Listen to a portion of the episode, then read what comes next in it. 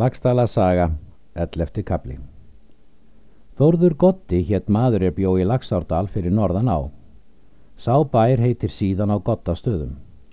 Hann var auðmaður mikill. Engi átti hann börn. Keifti að hann jörð þá er hann bjó á. Hann var nábúi hraps og fekk oft þungt af honum. Höskuldur sá um með honum, svo hann hjælt bústa sínum. Vigdís hétt kona hans var Ingjaldsdóttir, Ólafssonar feilans.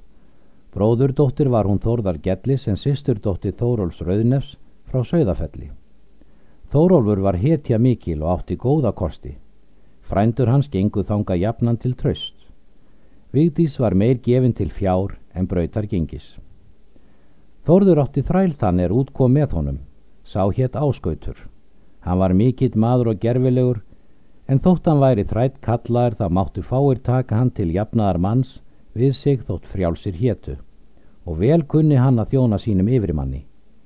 Fleiri átti Þórður þræla þó að þessi sé eitt nefndur.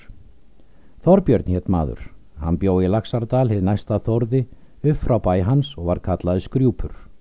Auðugur var hann að fjö. Mest var það í gulli og silfri. Mikill maður var hann vextu og rammur að afli. Engi var hann veifiskati við alþýðu manns. Höskuldi Dalakólsinni þótti það ávant um raust sína og hann þótti bær sinn húsaðar verð en hann vildi. Síðan kaupir hann skip að hjálpnesku manni. Það skip stóð upp í blönduósi. Það skip býr hann og lýsir því að hann ætlar utan en jórun varðveitir bú og börn þeirra. Nú láta þeir í haf og gefur þeim vel og tóku Noreg heldur sunnarlega. Komið við hörðaland þar sem kaupstæðarinn í Björgvin er síðan. Hann setur upp skip sitt og átti þar mikinn frænda abla þótt eigi séu hér nefndir. Þá satt Hákon konungur í víkinni.